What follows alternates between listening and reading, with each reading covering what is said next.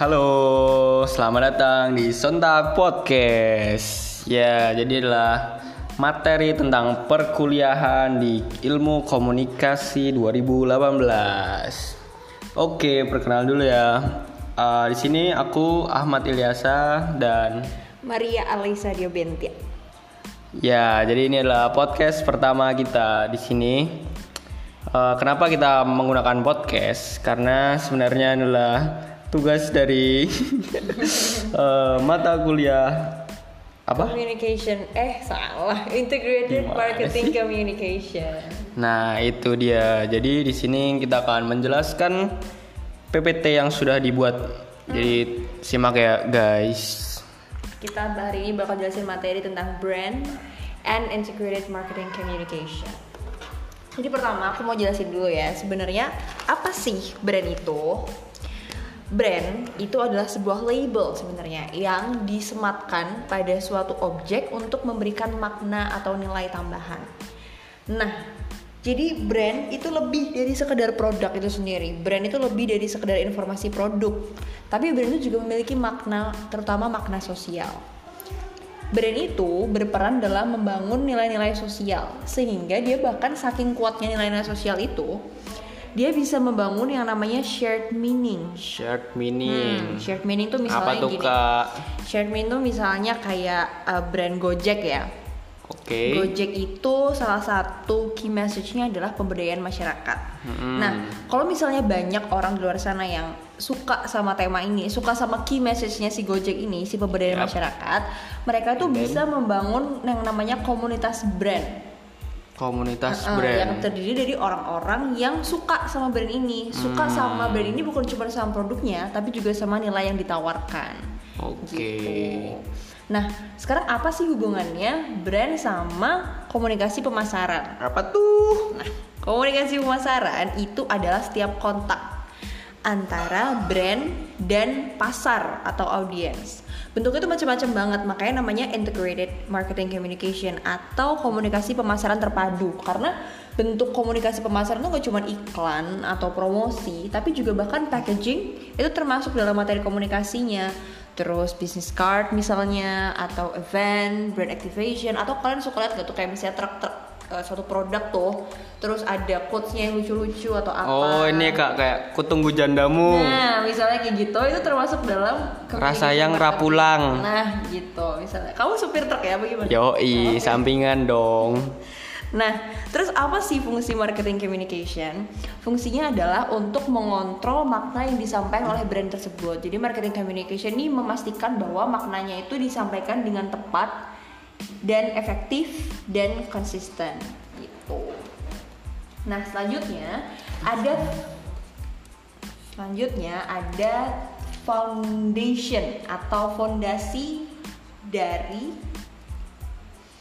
fondasi dari marketing communication yaitu positioning.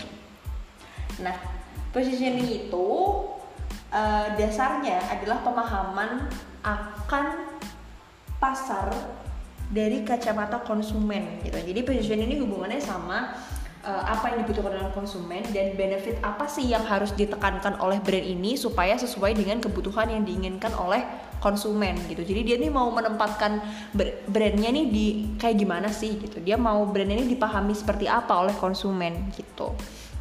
Nah, positioning ini ada dua, ada secara sentral dan secara diferensial.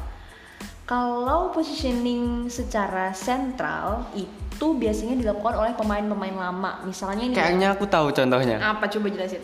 Aqua. Ih, kok bener? Iya kok bisa dong. baca pikiran ya? Keren. Parah. Gimana tuh penjelasannya? Hmm, Oke, coba oke, bisa jelasin. dijelaskan lebih lanjut. Kamu soto ya?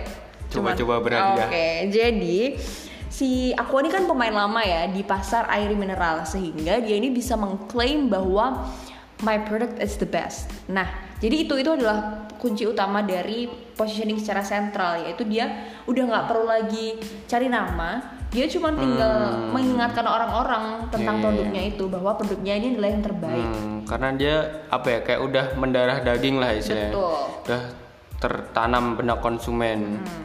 Dan kamu tahu nggak iya, iya. puncak dari pemasaran dari positioning secara sentral nih apa? Apa?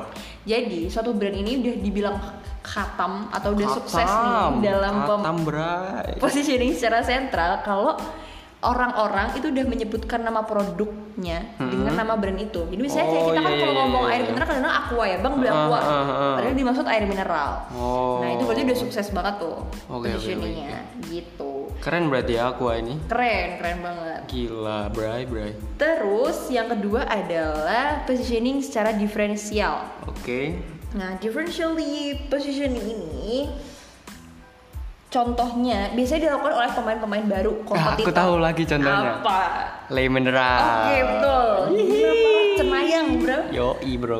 Coba dijelasin gimana tuh si Le Mineral ngapain dia? Hmm, Le mineral ini sebenarnya Apa dia kan pemain baru. Iya, jadi Jadi dia ini eh, berbeda gitu. gimana bedanya gimana? Eh, Kayaknya aku tahu pikiran kamu, aku yang jelasin ya. Apa-apa, coba. Oke. Jadi dia nih nggak bisa mengklaim bahwa dia yang terbaik karena udah ada pemain lama nih, sehingga dia mencari celah. Dia tuh mencari karakteristik yang beda yang mungkin nggak dipunya sama pemain lama. oh, nah itu loh Iya kan?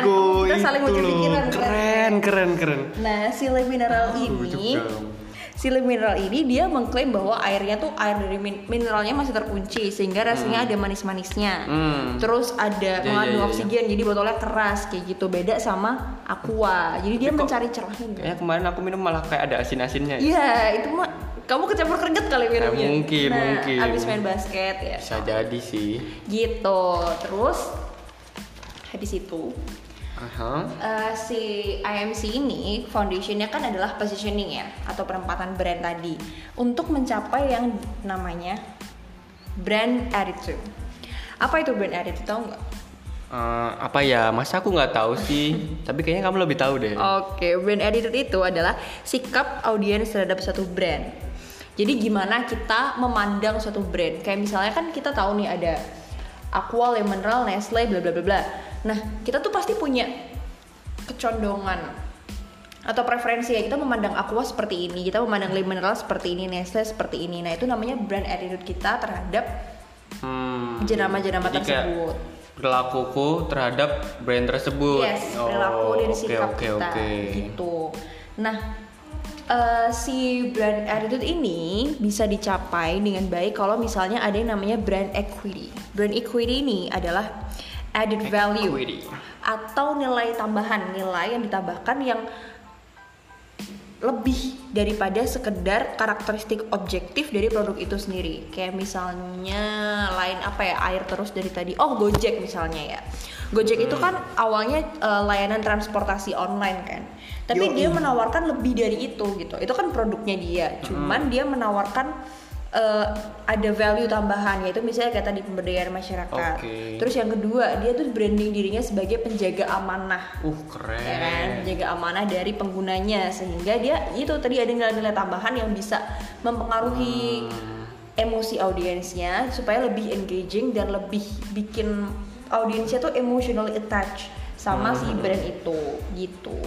Oke. Nah, brand yang punya brand equity yang kuat itu biasanya dia well known atau dikenal secara luas dan dipahami secara positif oleh audiensnya. Terus biasanya mereka punya lebih banyak customer yang loyal. Oke.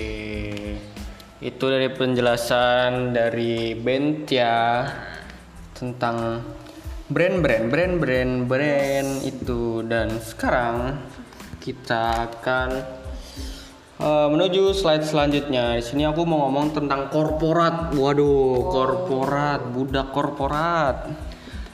Eh, di sini aku mau jelasin tentang apa sih bedanya corporate identity, image, and reputation. Di sini sebenarnya nih, apa ya? Dia tuh interchangeably ketiga aspek ini Interchangeable itu apa kak? eh, dapat di change.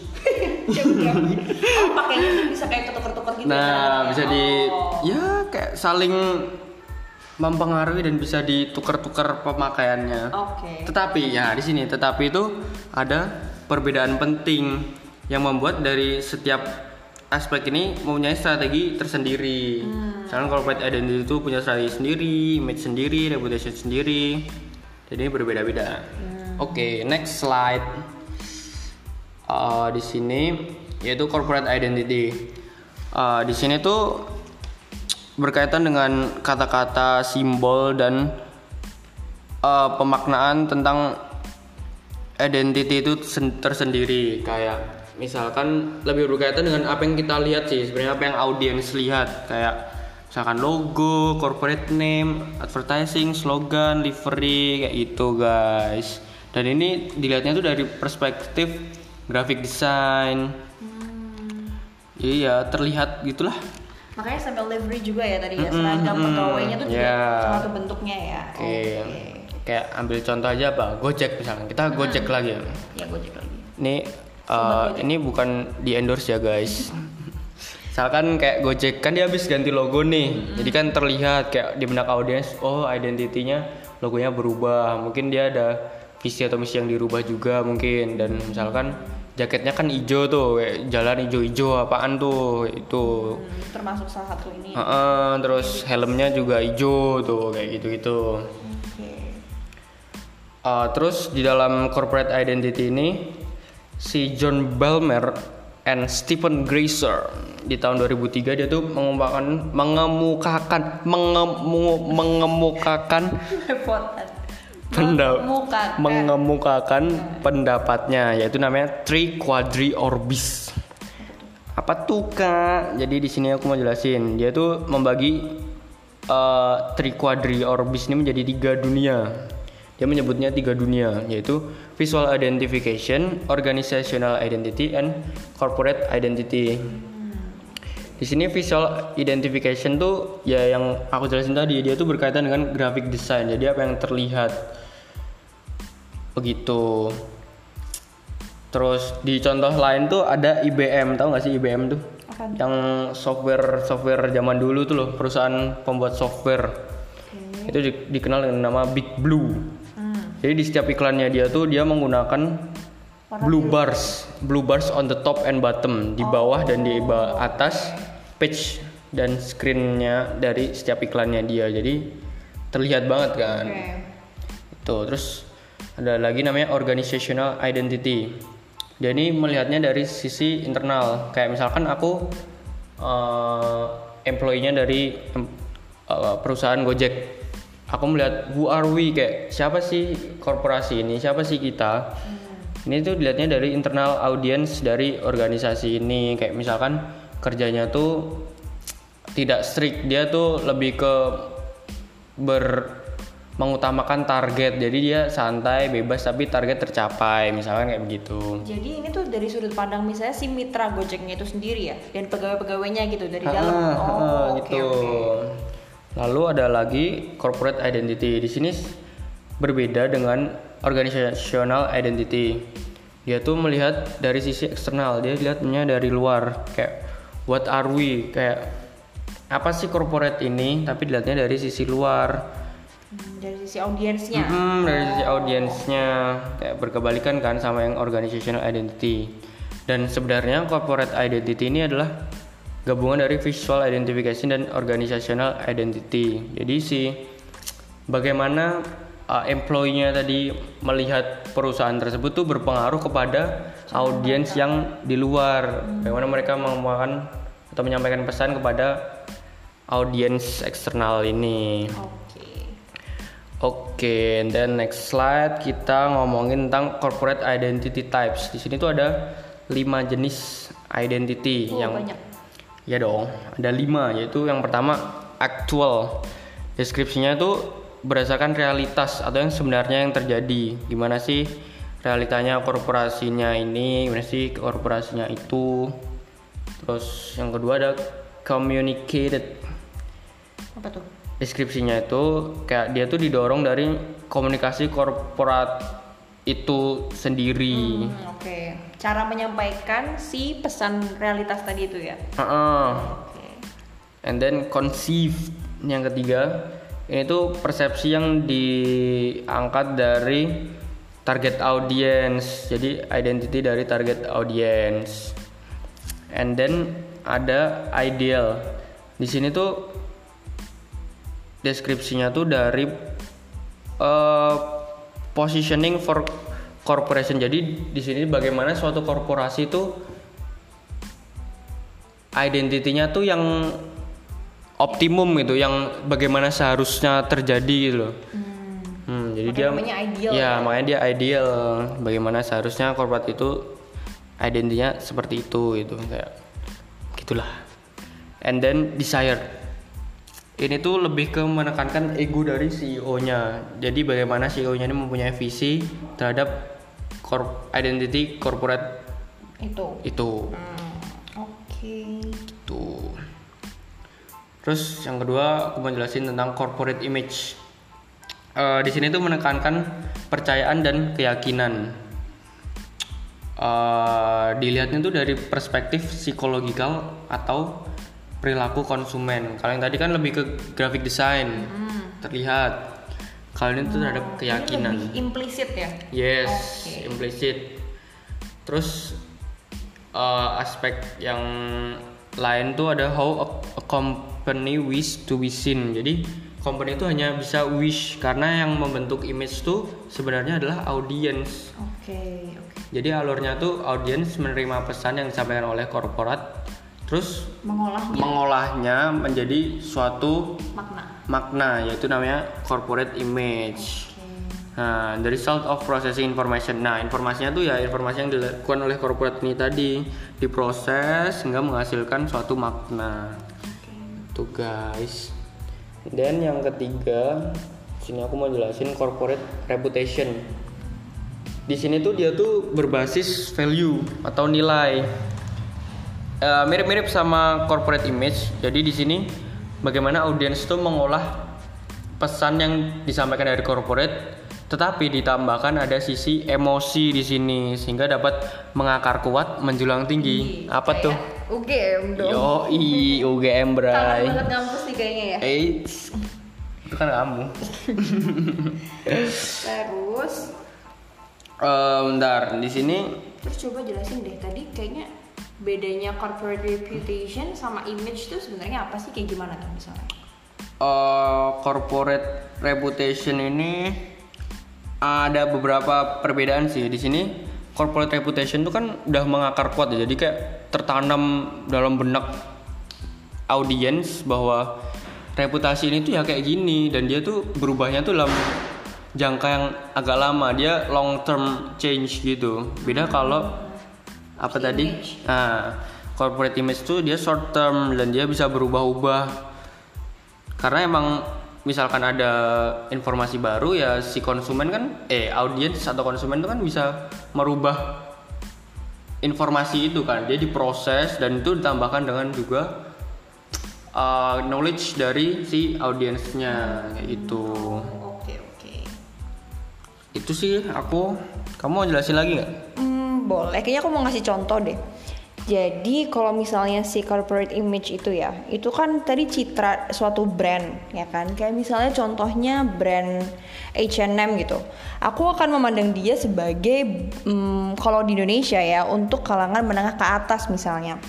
Tapi kalau misalnya terus dia rebranding nih, dia jadi nurunin harga apa gimana, mungkin aku bisa mengubah persepsi dengan cepat. Oh, sekarang si H&M pindah kelas nih, gitu bisa. Cuman bisa bisa reputasi dia di mata aku bakal jelek karena si H&M nih produk fast fashion yang jelas nggak bagus buat lingkungan terus habis itu dia juga Iya juga ya. istilahnya kayak kasarnya slavery kan dia karena oh perbudakan Ih, karena dia nggak ini banget nggak bagus Gila sama ini. tenaga kerjanya child labor jadinya itu bikin apa ya dia mempengaruhi emosi aku untuk kayak dia cari duit dengan menyiksa orang lain gitu sehingga sehingga untuk ngebenerin reputasi dia di mata aku tuh pasti butuh waktu yang lebih lama ya kan kayak gitu kan ya, maksud kamu karena tadi itu menyangkut emosi menyangkut kan. nilai dan emosi ya betul. nilai dan emosi Oke, terus yang tadi kayak udah jelas ya teman-teman. Sekarang aku mau lanjut nih tentang gimana caranya. Apa bedanya sih antara kita membangun corporate identity, image, and reputation? Coba sebentar ya. Jadi sebentar. Ah. Ada beberapa nih. Ada kita membangun corporate identity, image, reputation, communication, and corporate branding. Jadi sebelum kita bisa membentuk itu semua, kita pasti harus tahu dong apa bedanya, ya kan? Sipo. Kita harus tahu karakteristik masing-masing. Nah, corporate identity itu adalah apa sih um, atribut atau karakteristik atau perbedaan yang dipunyai company itu dari company lain. Jadi itu membangun identitas yang kuat gitu loh, ciri khas gitu. Terus yang kedua itu kan tadi ada corporate image, yaitu adalah how is the company currently perceived. Tadi kan perceived kenapa? corporate image itu yang ngelihat si audiensnya kan dari Hmm. audiens. Nah itu jadi salah satu analisis kita kayak sekarang nih company kita dipahami kayak gimana sih sama masyarakat gitu. Jadi kayak kita survei ke pasar, pasar tuh memandang kita seperti apa sih gitu.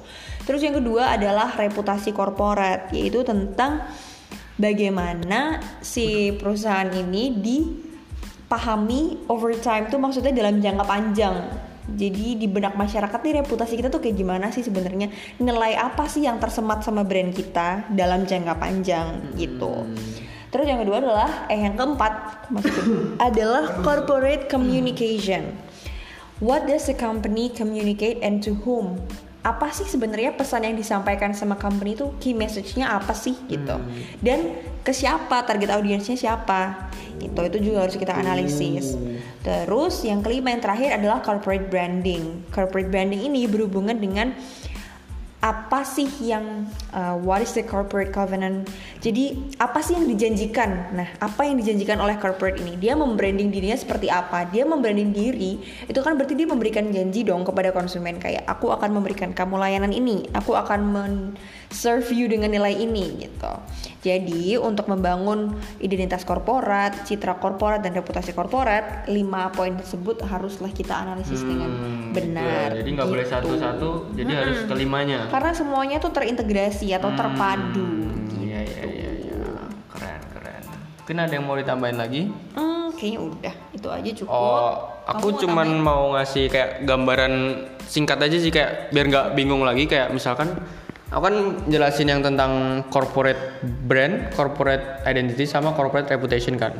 Jelasin singkat lagi aja kalau corporate identity ini tuh eh terlihat gitu loh, dijelas ah terlihat gamblang dan dia berdasarkan graphic design perspektif.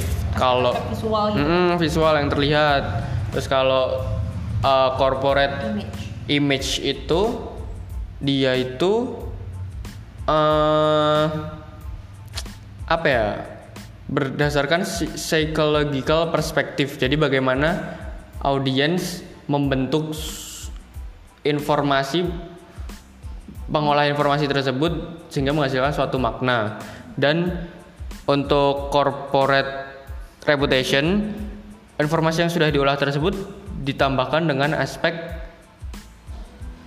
emosi. Jadi dia lebih mengenal lagi dalam hati dan itu mengakar kuat sehingga susah untuk digoyahkan. Itu sih gitu aja sih oke guys jadi gitu aja penjelasan dari kita Sudah mendengarkan Yo, Podcast. lumayan kan buat nambah ilmu lah ya.